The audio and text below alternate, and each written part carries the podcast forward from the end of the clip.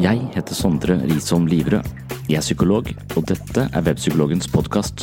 Hverdagspsykologi for fagfolk og folk flest.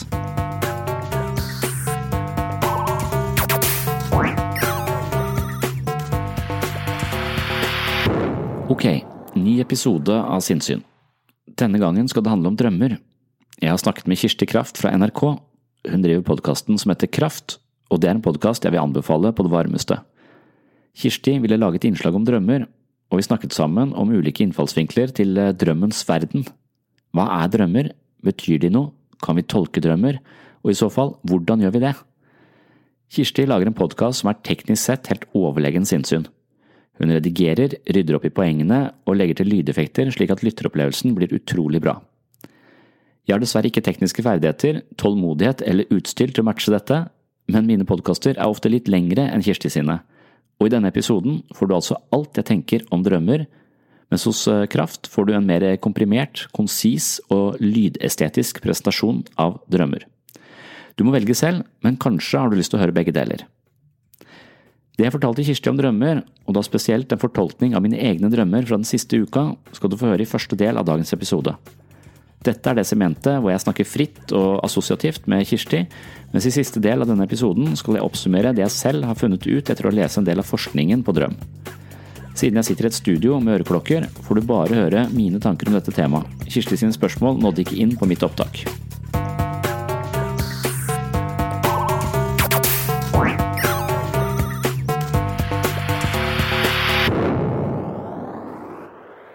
Ja, det, det, har jeg, fordi jeg drømmer mer enn normalt. Det var litt tilfeldig.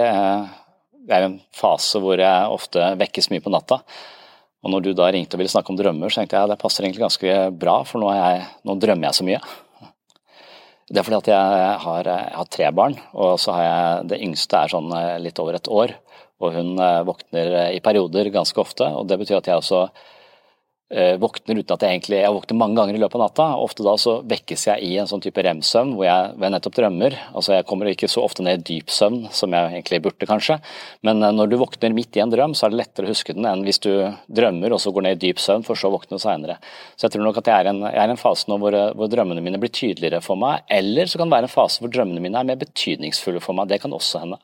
Det er en stund siden du spurte om vi kunne snakke om drøm, og det har egentlig vært litt viktig for meg. For det, drøm var noe jeg var opptatt av i studietida. Da syntes jeg det var kjempespennende. Og så husker jeg en veileder som sa at psykoterapi uten drømmer er som lunken champagne. Og, og, jeg har alltid tenkt at drømmer er veldig viktig, men så forsvinner det fokuset litt i eh, livet, på en måte. Sånn at jeg ikke alltid er så bevisste. Men så har jeg jo en idé om at det er veldig viktig å være bevisste. For jeg har en slags grunnleggende tro på at det er, eh, det er sentrale elementer i drømmene våre som kanskje er der for å fortelle oss noe. Eh, og dermed så, så når du ringte, så ble jeg litt mer oppmerksom på mine egne drømmer, og det tror jeg kanskje også var viktig, viktig for meg rent sånn personlig sett akkurat nå. Da. Ja, jeg, jeg drømmer det, det, er sånn jeg tenker om drømmer, at det, Noen drømmer er kanskje bare banale. Noen ganger så drømmer vi kanskje at eh, vi må tisse, men klarer å holde oss, og det er kanskje bra, sånn at ikke skal bli vått i senga. Eh, men så tenker jeg også at eh, litt i tråd med Jung og Freud osv. At, at drømmer er vesentlig på en måte. De er der for å fortelle oss noe som ikke helt er artikulert i livet vårt. Det er, som, eh, det er, en slags innsikt som ligger litt i periferien av hva vi klarer helt å ta inn over oss, eller kanskje det er en del litt ubehagelige erkjennelser som vi ikke orker å ta inn over oss, men som likevel da dukker opp i drømmen for å si at hm, dere er nødt til å ta hensyn til dette her for å justere kursen i livet, i livet ditt. Så det jeg, det jeg, drømmer, det første føler jeg er ganske banalt. og så er det tre drømmer som jeg syns har vært sentrale nå i det siste. Det første er at jeg drømmer at jeg er på reise. Og jeg reiser, så, så, kommer jeg til et hotell, og så er jeg veldig opptatt av å få sove, fordi at jeg sover jo så lite. Eh, men så får jeg et rom da, eller jeg får ikke noe rom, jeg blir nødt til å sove i resepsjonen. Eh, og der ligger jeg og, og skal prøve å sove, så kommer det folk forbi, snakker litt til meg. Noen ganger så kommer det kamerater eh, forbi på dette hotellet, spør om jeg skal ta en øl i baren. Sier jeg nei, det kan jeg dessverre ikke, jeg er nødt til å prøve å få sove. Eh, og så skjønner jeg etter hvert at det er helt umulig å sove i resepsjonen her, så jeg går bort, i, eh, går bort for å be om et nytt rom, men det er så lang kø at jeg kommer ikke fram. Så, eh, så den, den, drømmen syns jeg bare er litt sånn Selvfølgelig, den, den, den, illustrerer livet mitt. Jeg sover på et sted hvor, det, hvor, jeg stadig vekk må opp og våkne. Noen ganger tenker jeg at jeg skal sette opp en bod ute i gangen, så alle bare kan komme og henvende seg der på natta, siden det skjer så mye på natta hjemme hos oss. Akkurat i denne fasen, da.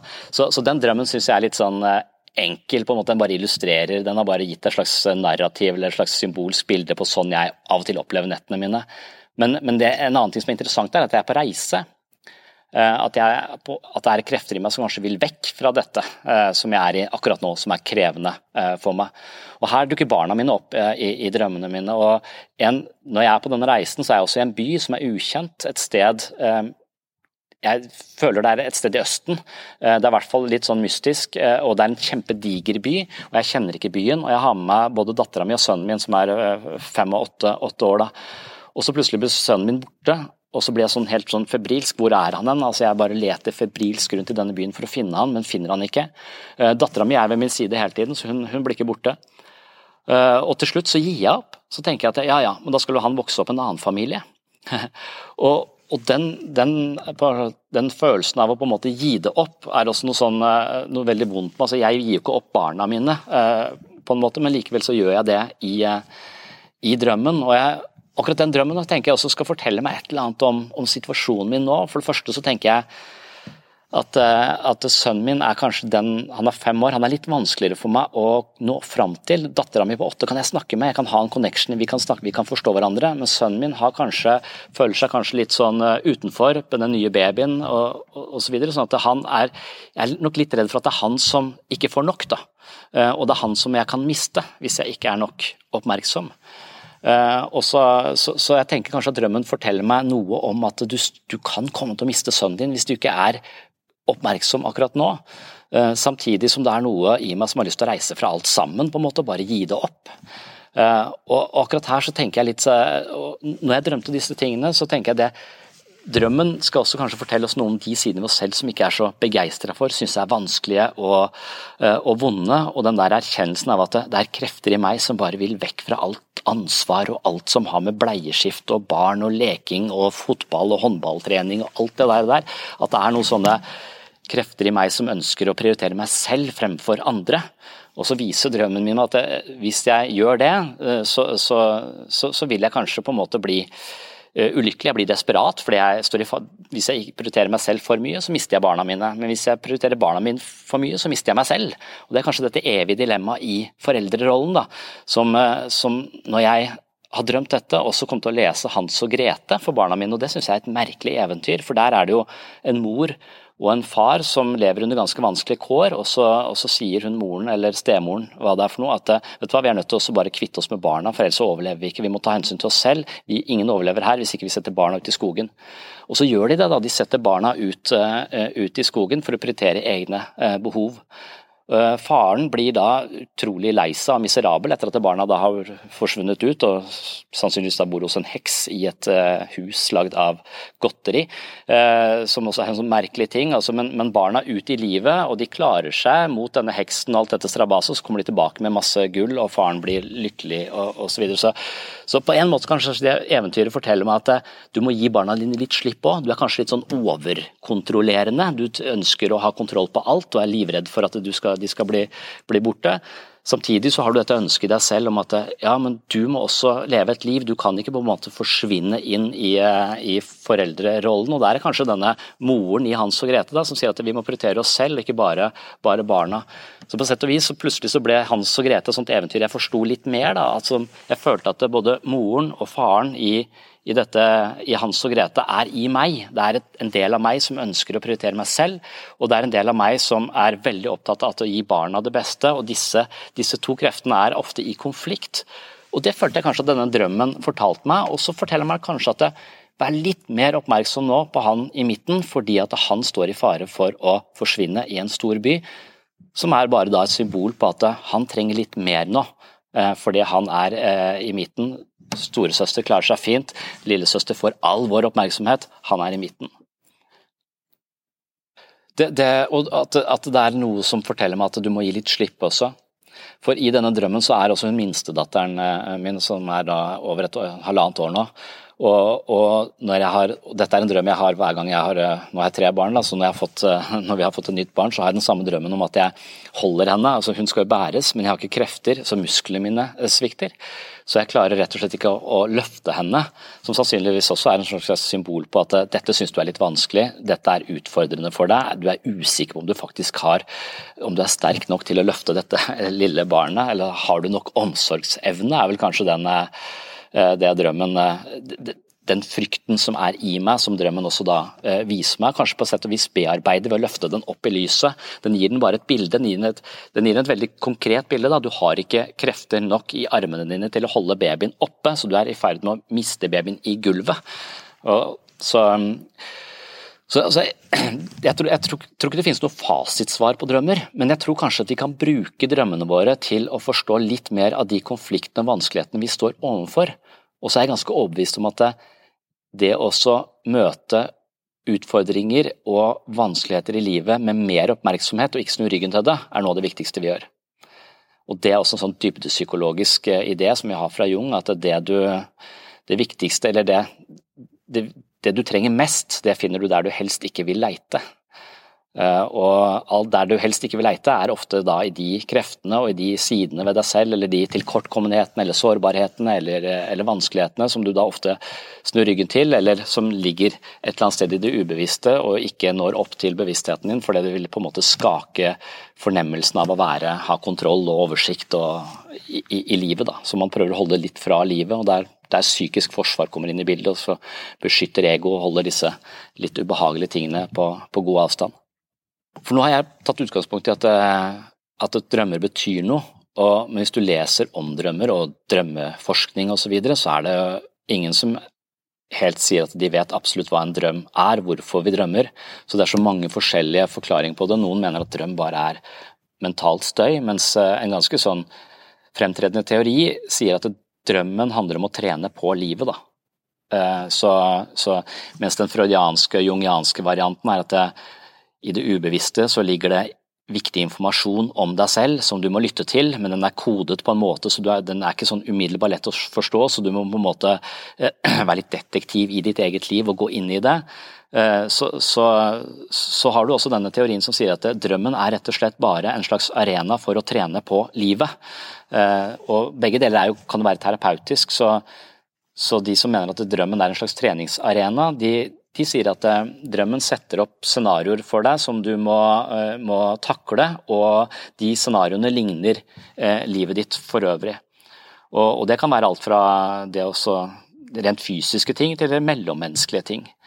Og Der er, vet man jo at det, hjernen vår, selv om vi ikke utfører et motorisk program i hjernen, så kan vi ved å tenke oss at vi hopper fra ti meter f.eks., eller eh, vi gjør et stup, eller et eller annet sånt noe, så kan vi ved å visualisere det stupet omtrent gå igjennom de samme nervebanene i hodet vårt som om vi utførte selve handlingen.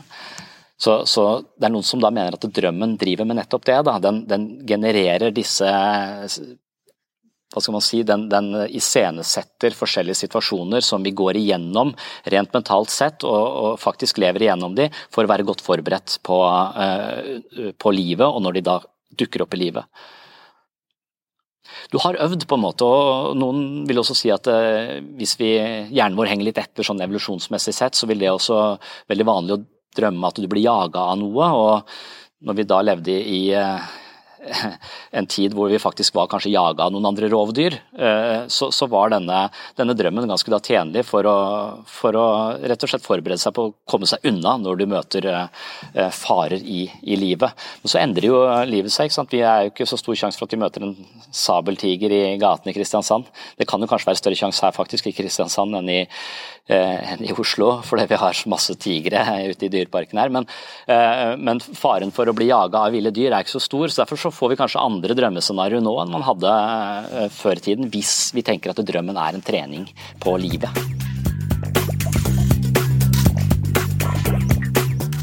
Ja, for, for, Freud jo, slo igjennom med, med drømmer og drømmetydning. Eller, eh, og, og, Freud er kjent for det at han sier at drømmen er kongeveien til det ubevisste.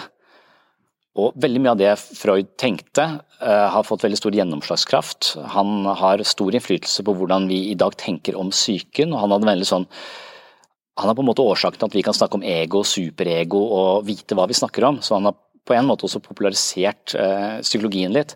Og så er det også veldig mye hos Freud som han har gått vekk ifra, og som er avleggs, og mange tenker at Freud er eh, passé og, og ut. Men, eh, men, uansett så vil han være en stor innflytelse som ligger bak veldig mye av hvordan vi tenker om, om psykisk helse, og, og, også dette konseptet at det handler om, om det ubevisste.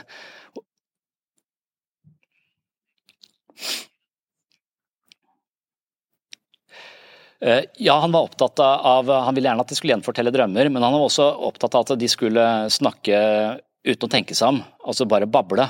Eh, fordi han mente at vi, vi hele tiden er så eh, vi, vi, kontrollerer det vi sier, og vi sier ting ut ifra hva vi tenker er sosialt akseptabelt. og sånn, Så, så vi, vi, vi, beholder kontrollen hvis vi, hvis snakker som en sånn sos, den sosiale biten av oss. Så for å på en måte forstå noe mer av seg selv, for å forstå mer av disse kreftene som styrer oss fra Eh, steder hvor vi ikke er oppmerksomme, da, altså på de ubevisste kreftene, så, så måtte vi snakke på eh, Bare snakke helt fritt uten å tenke oss om, og så skulle han tolke det. Og Det er også litt sånn eh, man skal si ut, Jeg tror ikke man tenker at man skal kunne ha noen korrekte tolkninger eh, av andre mennesker på den måten, men jeg tror kanskje man kan stimulere mennesker til å bli litt mer interessert i årsaken og utgangspunktet for hvordan de håndterer livet, hvordan de reagerer på med frykt i situasjoner som kanskje ikke er farlige osv. Så, videre. så en del av det som, eh, som er arven etter Freud, er denne ideen om at vi har veldig mye av det vi tenker, føler og foretar oss i løpet av en dag, er styrt av ubevisste eh, krefter. Eller rett og slett ting som er utenfor vår oppmerksomhet. Da. Så, så da må vi Drømmen er kanskje viktig fordi at den er, eh, kan fortelle oss noe om hva som foregår der nede, ifølge Freud. da. Uh, og, Dette ser man igjen i de fleste psykologiske skoler, at uh, vi, vi, har noen metastudier vil antyde at opp mot 95% av alt vi tenker, føler og handler på, er generert av ting som ligger utenfor oppmerksomheten vår, altså ubevisst. Så, så det vil si at uh, veldig mye av det jeg gjør i løpet av en dag, går jo på autopilot uten at jeg tenker meg om. Jeg tror kanskje at jeg tar bevisste avgjørelser osv., men ofte så er det bare en autopilot som styrer meg uh, rundt i livet. Og det er veldig bra, for det kreves veldig mye å være bevisst enhver situasjon og ethvert valg, så vi må gå en del på autopilot. Men hvis vi da har vokst opp under, eh, med mye stress eller med folk som har kritisert oss masse osv., så, videre, så kan man tenke seg at en del av autopilotene våre eh, vil si at nei, dette er ikke du god nok til, eller dette får du ikke til, eller eh, du er litt dummere enn alle andre. Så at du har noen autopiloter som hele tiden sørge for at du havner i situasjoner hvor du føler deg tilkortkommen eller eh, utenfor eller annerledes. Så hvis vi har autopiloter eh, som genererer følelser og handlinger som ikke egentlig tjener oss, eller som gjør at vi ikke lever opp til vårt egentlige potensial, så bør vi undersøke de, måte de, de mønstrene eller de skjemaene eller de grunnlaget for de avgjørelsene vi tar.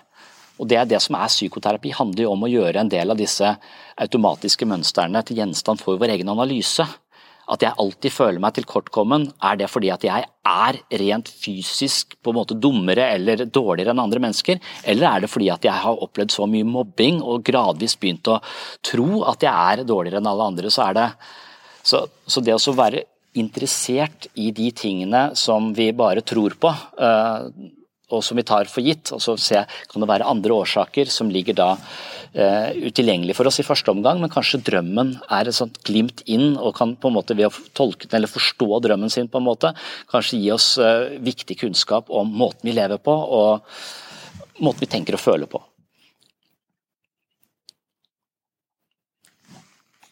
Han, han, ville at folk skulle gjenfortelle drømmene, og så, ville han kanskje ha ulike aspekter ved det. Hva tenker du selv om drømmen? Så Det er også en sånn viktig ting. altså Bruke tid på å forstå uh, sitt eget indre uh, liv, hvis det er signaler der og informasjon der som du bør ta hensyn til. Jeg husker jeg hadde en kamerat som sa at uh, han veldig ofte drømte at han drepte folk.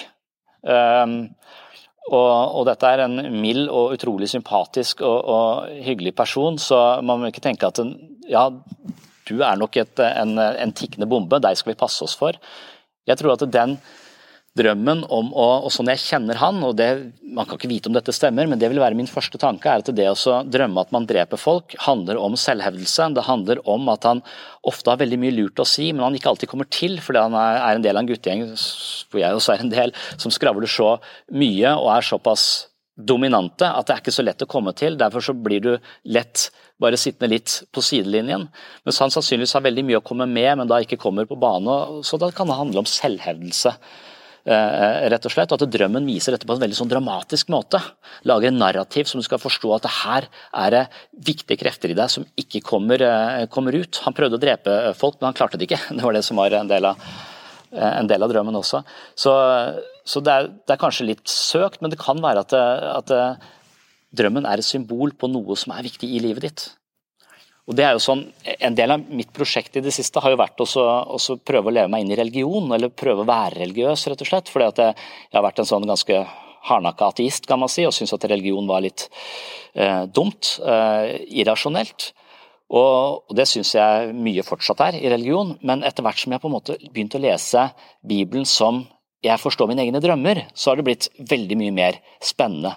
Og Da, da er vi litt inne på Jung, for Jung mente at det ubevisste, der er det en del eh, sånne arketypiske eh, tendenser og, og, informasjon som er viktig, som, som urmenneskelig kunnskap nærmest, som, eh, som kan dukke opp eh, via drømmen, eller kanskje via mytologien ja, en arketype. Altså, når jeg begynte å lese Bibelen på denne måten, så jeg tenkte at eh, fortellingen om Jesus' oppstandelse f.eks. er en arketypisk tragedie. Det er, eh, det er en, eh, en, en, mann som er verdens eh, på en måte, Han er bare god, eh, han gjør bare godt, og så blir han utsatt for verst tenkelig lidelse. Uh, og ideen, tenker jeg, eller sånn, sånn som Jordan Peterson for eksempel, eller, eller Joseph Campbell, eller disse mytologene tenker om Eh, om Bibelen på denne måten, sier at det, fortellingen om Jesus det tror jeg faktisk var Jung som sa det, altså fortellingen om Jesus er fortellingen eh, om mennesket selv. Altså vi, eh, Jesus er en god person, utsettes for masse lidelse. Så dør han på korset, men så gjennomstår han.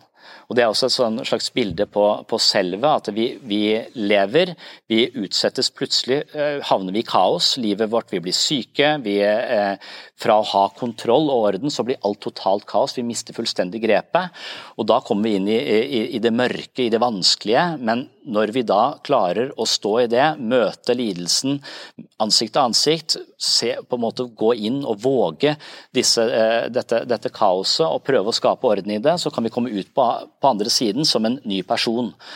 Og Sånn kan man også tenke om, eh, om terapi, at, man, at den versjonen vi var tidligere, den dør til fordel for en ny person. Så du istedenfor å snu deg vekk fra lidelsen, så forstår du lidelsen, du tar signalene eh, og, eh, som dukker opp om måten du lever på og måten du burde leve annerledes på, og så legger du en del ting bak deg, og så og så står du opp som et nytt menneske. Det er en slags gjenoppstandelse. Så Det er sånn uh, disse mytologene leser bibelfortellinger også, uh, som jeg syns er en ganske interessant måte å se det på. Altså Urmenneskelig kunnskap om hvordan du er nødt til å forvente at livet kaster dritt i trynet på deg. Uh, du er nødt til å ta det med rak rygg, for hvis du gjør det, så, så er muligheten for å gjenstå opp som en ny person som er rikere, fordi at den har opplevd alt dette, denne krisen og taklet krisen, så blir du en person som da er mange erfaringer rikere rikere og også et slags nytt menneske. Da, med, og litt sterkere. Ja, han, han, mente at det er grunnen til at mennesket ikke er opplyst, er at vi på en måte ignorerer det. Og at istedenfor å forstå smerte, forstå ubehag, forstå depresjon, gå inn i de mørke sidene i seg selv, så prøvde vi heller bare å slippe unna og snu ryggen til det.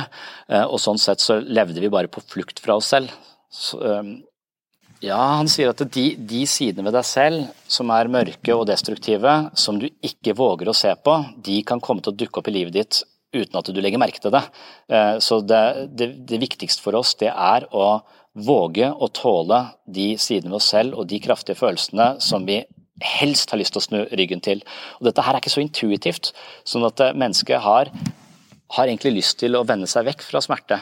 Mens all mytologi og alle fortellinger om det å være menneske, altså bare det med eventyrene hvor vi skal møte troll osv., forteller oss at istedenfor å vike unna vanskelighetene, så bør du møte det ansikt eh, til ansikt. Og Det tror jeg var, eh, var beskjeden i dybdepsykologien som, som, Jung er en av opphavsmennene til. At du må møte, du må våge å møte smerten for å bli en helere person.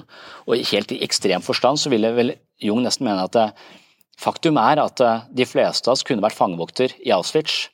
Eh, og de fleste av oss vil si at nei, det kunne ikke jeg, det kunne aldri skjedd meg. Og hvis du ignorerer det og nekter for at du har destruktive og ganske farlige potensialer i deg, så eier du ikke det potensialet, og plutselig så vil du nettopp uh, dukke opp i en eller annen situasjon hvor du handler på måter som du da overhodet ikke er i pakt med de verdiene du egentlig har. Så vi må, vi må, våge å se på mørke sider for å eie de, for idet vi eier de, forstår de og, og, ser de, så vil vi også ha kontroll på de. Så en, en annet eksempel på det er at det, apekatter for eksempel, de er livredde for eh, slanger uansett. Altså, du kan kaste en plastikkslange inn til de, og de vil være livredde for det. De er på en måte programmert til å være redd for slanger. Så Hvis jeg går ut i dyreparken her eh, og kaster en, eh, en slange inn til apekattene, så vil de vike unna, men de vil aldri ta blikket vekk fra den. Så vil alltid stirre på slangen, fordi de vet at hvis de snur ryggen til slangen, så kan slangen komme til å bite dem, og da blir de forgifta. Og Det er et sånt bilde man også kan ha på sitt eget indre liv. altså Hvis vi ignorerer vanskeligheter Nei, det orker jeg ikke å snakke om nå, det blir så mye følelser. altså Hvis du hver gang du møter utfordringer eh, i relasjoner osv. bare viker unna livet litt for å slippe den konfrontasjonen der osv., så, videre, så er det som å snu ryggen til slangen. da. Du snur ryggen til noe som på sikt kommer til å forgifte deg, eller potensielt sett kan komme til å forgifte deg. Så det vi ikke liker ved oss selv, det må vi stirre mye på for å forstå det, for å leve det og ha kontroll på det. I eventyrene så er det jo sånn at eh, hvis du finner navnet på, på, trollet, så eksploderer det. Eller hvis du klarer å lure trollet ut i lyset, så eksploderer det. Eh, så, så poenget er vel at hvis du erkjenner sidene ved deg selv, så vil det ikke lenger ha noen sånn innflytelse på deg. For det er når de er ubevisste og kan styre deg uten at du legger merke til det, at de har påvirkningskraft. Ja, mens Freud eh, tenkte veldig mye at det, at drømmene, eller at det ubevisste var et slags reservoar av eh, impulser og begjær og utemma eh, følelser, eh, og på en måte litt sånn barnslig, så skilte Jung seg fra Freud ved at han mente at det ubevisste også inneholdt veldig mye klokskap i forkledd form, eller klokskap som vi ennå ikke helt klarte å innse dybden i. Så, så Jung hadde et litt mer si, positivt syn, eller han hadde litt sånn håpefullt syn på hva, hva drømmene var for noe. Uh, og han mente også at uh, vårt ubevisste liv er på en måte Vi har noen uh, Det er noe som er koda i, i oss. en slags akkumulering av urmenneskelig kunnskap som ligger i oss, og det, det, ligger i det ubevisste. Så der tror jeg kanskje han er litt sånn der vil han bli litt sånn new agey, kan man si. Altså at han, han blir ofte brukt i de, de miljøene også. Mens, eh, mens, jeg vil heller tenke, hvis du ser det parallelle til mytologien, så, så, er det noen som mener at, at mennesket, vi har en del av vår overlevelse ligger i eh, fortellingene våre. Altså Mens en fugl har alt det trenger for å overleve koda inn i DNA-et sitt, så har mennesker eh, alt det vi trenger for å leve koda inn i mytologien vår. Vi har, det, vi har, en del reflekser, men de refleksene er ikke holdbare til å eh, leve som en sivilisert borger i et sivilisert samfunn. Vi trenger noe mer. Så, og, og, den kunnskapen vi har opparbeida oss, den ligger i mytologien vår. Så mytologien vår er en viktig støttespiller til, eh, til livet. På sett og vis, hvis vi forstår den, altså når jeg da tenker at religion er bare teit og det er ingen som blir født av en jomfru, så går jeg på en måte glipp av det budskapet. Der ligger det en eller annen idé som kanskje eh, handler om hvordan vi burde leve. Eh, så at eh, mytologien er en slags følgesvenn til livet som kan, som kan vise oss hvordan folk har levd før, og hvordan folk har taklet ting som vi kommer til å kom opp i eh, tidligere, så vi ikke er helt alene om å takle det på nytt og på nytt. Da. Så det ligger veldig mye, eh, mye, kunnskap der hvis vi lærer å lytte. Men, mens Jung da mente at vi kunne lytte til oss selv på samme måte, at drømmene hadde en, en lignende betydning. Og han sier at i ethvert menneske så har du ulike arketyper. Du har f.eks. en kriger eh, som handler om selvhevelse, det handler om å ha spisse albuer. Og Hvis du har en sterk kriger, så kan du nå langt, men en sterk kriger kan også bli ganske ensom. Så Hvis ikke den sterke krigeren på en måte balanseres av en altruist eller en, et lite barn eller en som er mer medfølende og nysgjerrig, så, så vil du bli en eh, skarp finansmann med masse penger, men med dårlige relasjoner, f.eks. Så, eh, så det, han, han, mente at alle mennesker har potensialer i seg eh, som de kan utvikle ved å stimulere dem. og Det, det kalte han arketyper. Så Alle hadde disse arketypene i seg, men noen hadde en skjev fordeling. De hadde bare en kriger, f.eks. De var bare raskest på eh, Birkebeineren, og de tjente mest penger, så de var i, i krigermodus for mye. og Det på en måte skaper en ubalanse Eh, i livet. Så noen tenker litt sånn om eh, at eh, det finnes ikke du, Noen vil si at det, med referanse til Jung at det, det finnes egentlig, egentlig ikke noe psykisk lidelse, det finnes bare ubalanse i tendenser i mennesket. Så hvis du bare kriger deg fram og spiser albuer, så går det på bekostning av relasjonene dine. Så du er nødt til å dyrke alturisten, du er nødt til å dyrke medfølelse, du er nødt til å dyrke eh, varme og, og, respekt for andre fremfor eh, det å ta seg frem med, med makt og de beste midler, kan man si det, det, tror jeg nettopp han vil si, at, at, drømmen sier noe om balansen i bevisstheten din. At, at det kommer signal der om at nå eh, må du være litt obs på eh, forholdet mellom eh, prioritere egne behov og forholdet mellom å være oppmerksom på barna dine. Hvis du ikke, hvis du prioriterer deg selv nå for høyt, så mister du barna dine, og da viser drømmen deg også den følelsen du får. Men hvis du prioriterer barna dine for mye, så mister du deg selv, og da vil du også gå til grunne på en annen måte. Så den, den, gir deg små signaler om hva som er viktig å være oppmerksom på i livet ditt. Det kan i hvert fall hende. Men noen vil være uenig i det. De vil si at drøm er bare eh, mentalt støy, vi kan ikke vite hva det er for noe. Det å tro at det har en dypere betydning, det er noe kvakksalveri. Så, eh, så, og det kan jeg, man kan sikkert lese seg inn i et perspektiv som vil hevde det og tro på det, men for meg så er det litt, det er litt kjedelig. da. Så jeg, jeg, hører på min veileder som sa nettopp det at eh, en eh, terapi f.eks. Uten, uten drømmer er som lunken champagne. Og jeg har også tenkt at eh, når jeg ignorerer drømmene mine og bare lever for å holde hodet over vannet, og skal kunne alt, skal jobbe og være pappa og alt dette her, og ikke lytter til drømmene mine, så er det kanskje en dimensjon som blir litt borte ved, ved livet mitt, som er litt viktig. Så jeg var litt glad når du ringte, for det gjorde meg mer oppmerksom på drømmene mine i en periode nå.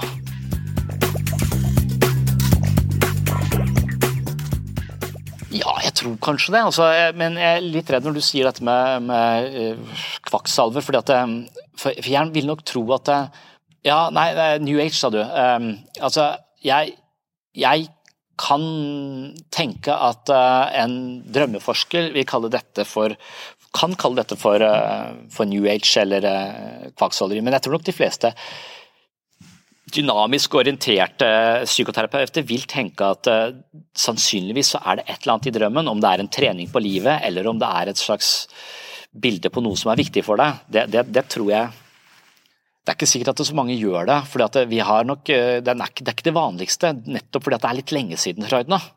Vi har liksom tenkt at vi går så mye videre. Og jeg vet ikke om du er oppmerksom på Jordan Peterson, ja, som, som, er veldig i skuddet nå, som blir litt sånn fremstilt på høyresiden i politikk og, og, en del sånne ting. Men han, han, på en måte vekker liv i Jung igjen. Uh, og, og, han ble slakta i Morgenbladet, det irriterte meg uh, noe uh, inderlig. Men, men, men jeg, jeg, tror kanskje at den, den litt sånn dybdepsykologiske måten å tenke på har forsvunnet litt fra vår tid. Og når noen da plutselig tar det opp igjen, så blir det litt sånn Ja, men det er gammeldags, eller Men, men, jeg, jeg, ja, men jeg, tror man blir nettopp redd for at, at, drømmer blir sett på som noe Ja, som noe som du finner på alternativmessen, hvor noen skal, skal tolke det. Og det, det, det, tror jeg er en fallgruve. En ganske uh, viktig Ja, lite grann. Og så, så, jeg tror nok at det er mange, mange kvakksalver inne på dette området. Og Så tror jeg vi er litt sånn sultefora på sånn, sånn, type ting også. Og så tror jeg vi lever i en tid som nettopp vi ikke tror på sannheter lenger. Derfor så er vi sårbare for all verdens lurendreiere, kan man si. Sånn at, eh, sånn at så, så, jeg blir også litt sånn skeptisk til meg selv da, når jeg er opptatt av drømmer. Er, dette, er det hold i dette, eller er det bare, eh, bare en sånn New Age-fantasi som, som, jeg rir, som jeg syns er, er, spennende. Og om ikke det henger på greip, så gjør det nesten ikke noe, for det har en pragmatisk betydning for meg. Det gjør at jeg blir litt mer skjerpa og kanskje handler litt annerledes og litt mer i pakt med mine egentlige verdier enn det jeg Ja, som, som man kan liksom Ja, som kan justere seg til. Ja. Mm. Det er jo rart hvis vi skal drømme hver eneste natt og det ikke skal ha noen som helst eh, betydning. Men en av de farene i drømmelandskapet tror jeg er at det, det, finnes en del sånn forskning som er litt sånn, jeg ikke har gått helt inn i, men man kan se for seg det er bl.a. en sånn kjent studie hvor, hvor, folk skal spille basketball. Og så, og så er det to grupper altså, som er like dårlige i basketball. Eh, de deler gruppa sånn tilfeldig på midten. Den ene gruppa får beskjed om at nå skal du visualisere at du treffer kurven. og Det skal du sitte her og gjøre nå så så lang tid. Den andre gruppa den skal ikke visualisere at de treffer kurven, de skal faktisk stå ute på banen og kaste ballen opp i kurven. Disse folka skal være like gode i basketball i utgangspunktet, og så sjekker de det da etterpå. Når den ene gruppa har trent visuelt, den andre, eller med visualisering, og den andre gruppa har trent rent fysisk på å kaste ballen i, i, i kurven. Og Da viser det seg jo at eh, i den studien så kommer de som har visualisert bedre ut av det. De treffer flere ganger enn de som faktisk har trent på å kaste ballen. Eh, og det understøtter Der, der, der får du plutselig sånn The Secret-aktig, at du skal bare forestille deg at du klarer livet ditt, så klarer du livet ditt. Og hvis du ikke klarer det, så har du bare ikke forestilt deg det sterkt nok. på en måte. Så får, da får du disse eh, vanvittige fortolkningene av det budskapet, eh, samtidig som det kan sannsynligvis er noe i det, men ikke så langt ut uh, som i The Secret. Og Dette kan også kanskje understøtte denne, denne ideen om at drømmer er en slags treningsarena, hvor vi, hvor vi, rent sånn mentalt går gjennom en del programmer som vi vet vi kommer til å trenge i livet vårt for å være litt bedre, bedre forberedt. fordi det viser seg at det er bare å tenke seg gjennom ulike uh, scenarioer, også fysiske scenarioer, rett og slett uh, øker kompetansen vår. da. Og Da kan man jo se at trening som en, eller drøm som en treningsarena. Og så kan man jo da, Men da er det så lett å tolke dette at ja, bare visualiser eller se for deg osv., så, videre, så forandrer livet ditt seg. Så Da er vi over i magisk tenkning igjen. ikke sant? Så det er, eh, Disse grenseovergangene er så fine. og Derfor er det så eh, lett å snakke om de og plutselig bli eh, sett på som en som da er på feil side av grensa. Altså litt sånn magisk tenkende New Age, eh, happy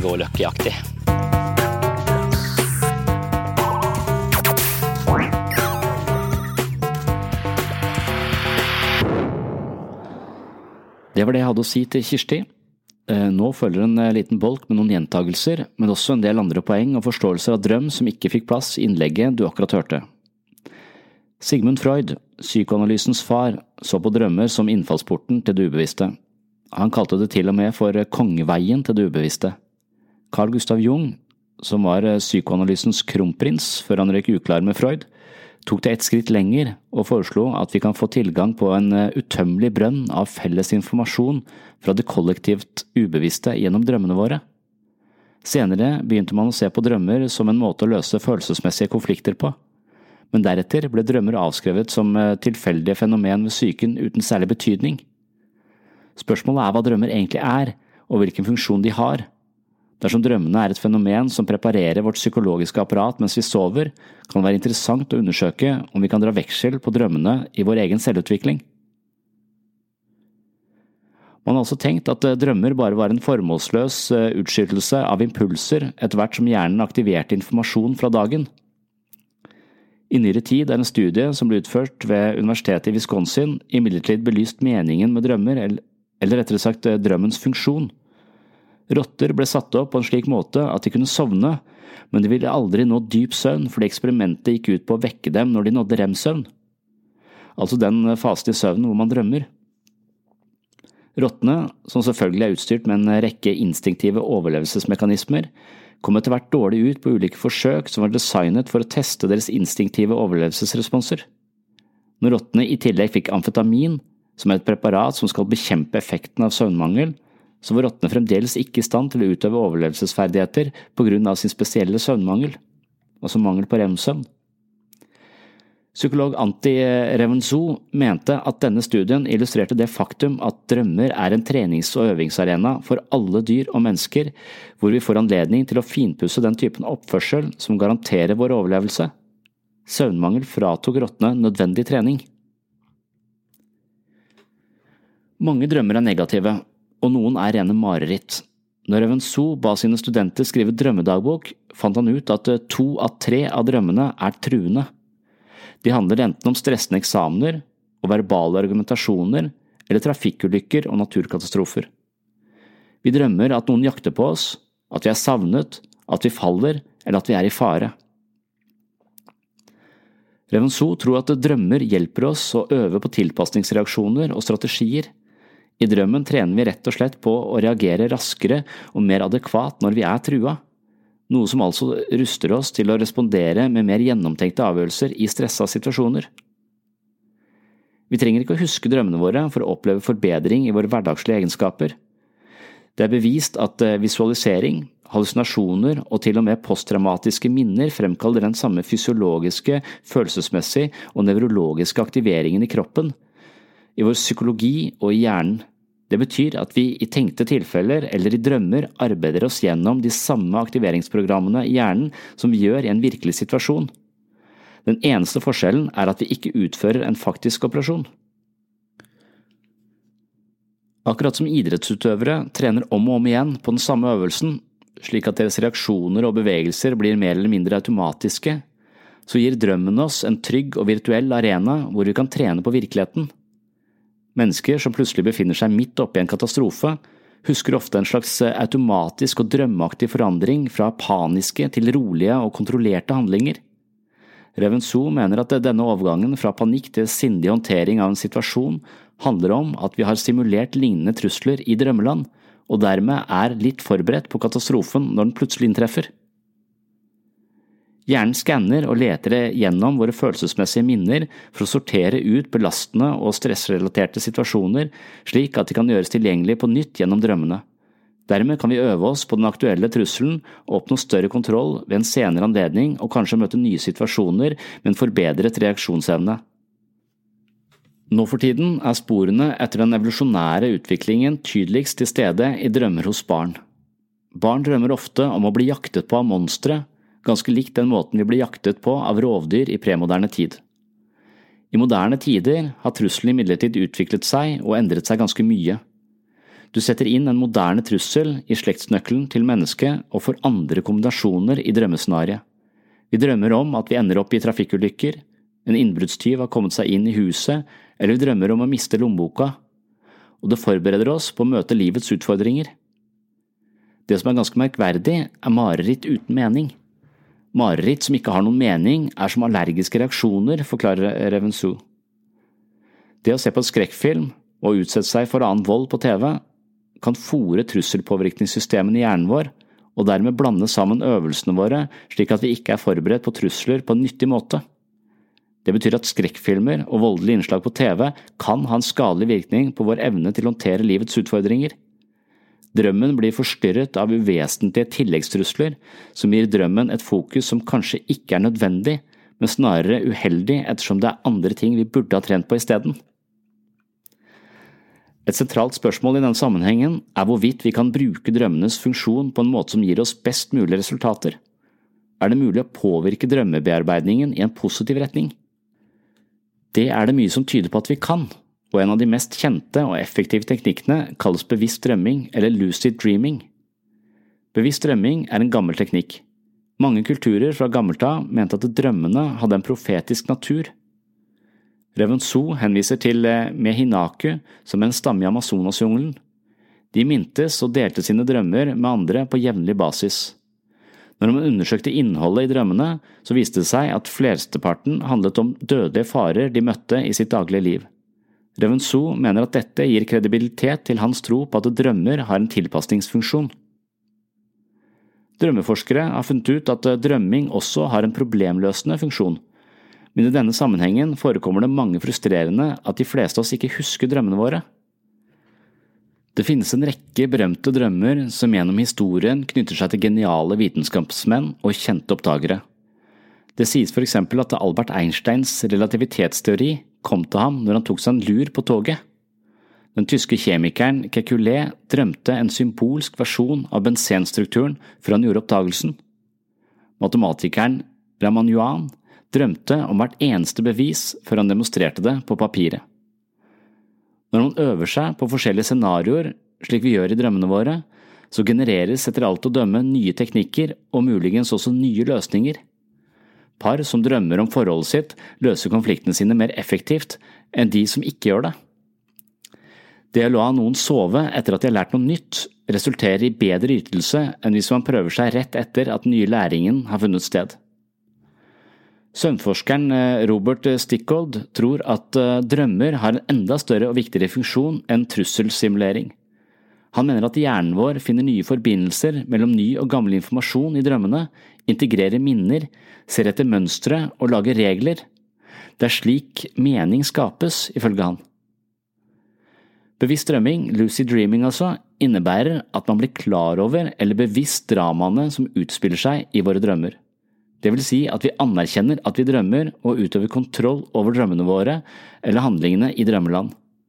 Man har rett og slett en bevissthet om at man befinner seg i en drøm, og dermed har man gjort denne treningsarenaen langt mer interessant. Man kan influere på drømmens hendelser og bevege den i ulike retninger, noe som potensielt sett kan ha en terapeutisk og ganske gunstig effekt. Hvis drømmer virkelig er rolletrening, en øvelse i å omgås andre mennesker og løse mellommenneskelige konflikter, så kan det å håndplukke problemene vi vil fokusere på, og i tillegg teste ut ulike handlingsmønstre, hjelpe oss å fokusere drømmingen på nettopp de problemene vi opplever mest presserende i vårt våkne liv. Den bevisste drømmeren eh, Campuzano beskriver hvorfor han føler at bevisst drømming er verdifullt og verdt et forsøk. Det første punktet han nevner er handling og spenning. Å fly over fjelltopper og besøke eksotiske hav kan få deg til å føle deg forfrisket og gi deg mer energi. Neste punkt er innsikt. Å snakke om saker og ting med din eh, drømmekone kan resultere i at man får svar og ideer som hentes opp fra din egen kunnskapsbase, og viser deg aspekter ved tilværelsen som du ikke før hadde tenkt på eller oppdaget. Det neste punktet er problemløsning. Med litt trening kan du nyttiggjøre deg din egen intensjon for å adressere et spesielt problem i drømmene, og på den måten kan du oppnå verdifull innsikt og forståelse som tidligere var utilgjengelig og dypt begravd i underbevisstheten. Et annet eh, element ved bevisst drømming som eh, Campuzano mener er viktig, handler om sosiale øvelser. Du kan bruke bevisst drømming til å øve deg på å snakke foran mange mennesker, og løse konflikter eller få en slutt på pinlige møter. I drømmen kan man ta tyren ved hornene og eksponere seg for situasjoner man normalt sett frykter. Når man er bevisst i drømmen, kan man også iscenesette ulike scenarioer for å høste nye erfaringer. Slike drømmespill kan gi mer kompetanse og større trygghet også i vårt våkne liv, og dermed representerer bevisst drømming en slags egenterapi, eksempel ved sosial angst. Steven LaBerg, en velkjent forsker på bevisst drømming, snakker om to forskjellige typer drømmekontroll. LaBerg sier at man i bevisst drømming enten kan lære seg å kontrollere drømmen, eller kontrollere seg selv i drømmen. Å forandre drømmen involverer ofte at man på magisk måte sletter en negativ drøm og erstatter den ved å gjenskape en fornøyelig drøm. Laberg tror ikke at denne typen kontroll forekommer så ofte, og han antyder at det sannsynligvis er få mennesker som klarer dette. Muligens er det en skjult velsignelse, sier han i en spøkefull tone. Hvis vi løste problemene våre ved å slette dem på magisk vis, ville det representere en ganske verdiløs strategi i vårt våkne liv. Det å ta kontrollen over oss selv i drømmen er derimot ganske hensiktsmessig i mange sammenhenger. Det hjelper oss å mestre forskjellige ting på forskjellige måter, poengterer Berg. Istedenfor at vi flykter eller slåss og løper fra vår angst og vår frykt, så kan man isteden snu seg rundt og møte det skremmende scenarioet, eller se frykten i hvitøyet, nettopp fordi man er bevisst om at det bare er en drøm. Mye psykisk helse handler om å våge, tåle og forstå sine egne følelser og frykter. Mange av oss unngår det vi er redd for, og i noen tilfeller unngår vi skremmende sider ved vårt eget følelsesliv, noe som egentlig forårsaker en ufri tilværelse hvor vi på sett og vis er på flukt fra alt det vi opplever som ubehagelig og skremmende. Dersom vi våger å ta inn over oss de skremmende følelsene, eller nærme oss det vi er redd for, betyr det ofte at skrekken gradvis forsvinner og vi gjenvinner mer frihet i eget liv. Når vi ikke bare lar oss jage av sted i drømmen, på evig flukt, i eget liv, men isteden snur oss rundt og møter livets farer og våre egne troll, vil man ofte erfare at drømmene endrer seg og at man gradvis opparbeider seg mer trygghet i det virkelige livet. Drømmene endrer dermed karakter, og marerittene forsvinner eller får en annen og mindre skremmende utforming. Dette gir oss selvtillit og viser oss alternative måter å takle våre problemer og traumer på. Det er mye mer man kunne sagt om drøm, og det er enda mye mer man kunne sagt om bevisst drømming. Hvis du er mer interessert i det, så kan du gå inn på webpsykologen.no, hvor det er en egen kategori som eh, nettopp handler om eh, forståelse av drøm og mulige aspekter ved drømmen som kan virke selvutviklende. Og hvis du først er inne på webpsykologen, så hadde det jo vært veldig hyggelig om du var interessert i å kjøpe bøkene jeg har skrevet om psykologi og selvutvikling. De heter Selvfølelsens psykologi og Jeg, meg selv og selvbildet. Inne på webpsykologen så får du de bøkene til best pris med rask levering og gratis eh, frakt. Det var det jeg hadde for eh, denne gang. Jeg håper du henger med i eh, neste episode. Før jeg på en måte kobler ut her, så vil jeg også bare takke alle som har rata podkasten i iTunes. Det er over 110 ratinger nå, og alle er veldig positive. Det setter jeg utrolig stor pris på. Jeg blir rett og slett veldig glad når så mange gidder å, å gi meg noen stjerner der inne. Det er også veldig verdifullt for prosjektet vårt, som handler om å spre kunnskap om psykisk helse til så mange som mulig. Så hvis du ikke har gjort det ennå, så vet du at jeg blir strålende fornøyd hvis du gidder å rate denne podkasten i iTunes. Ellers er det bare å si på gjenhør i neste episode.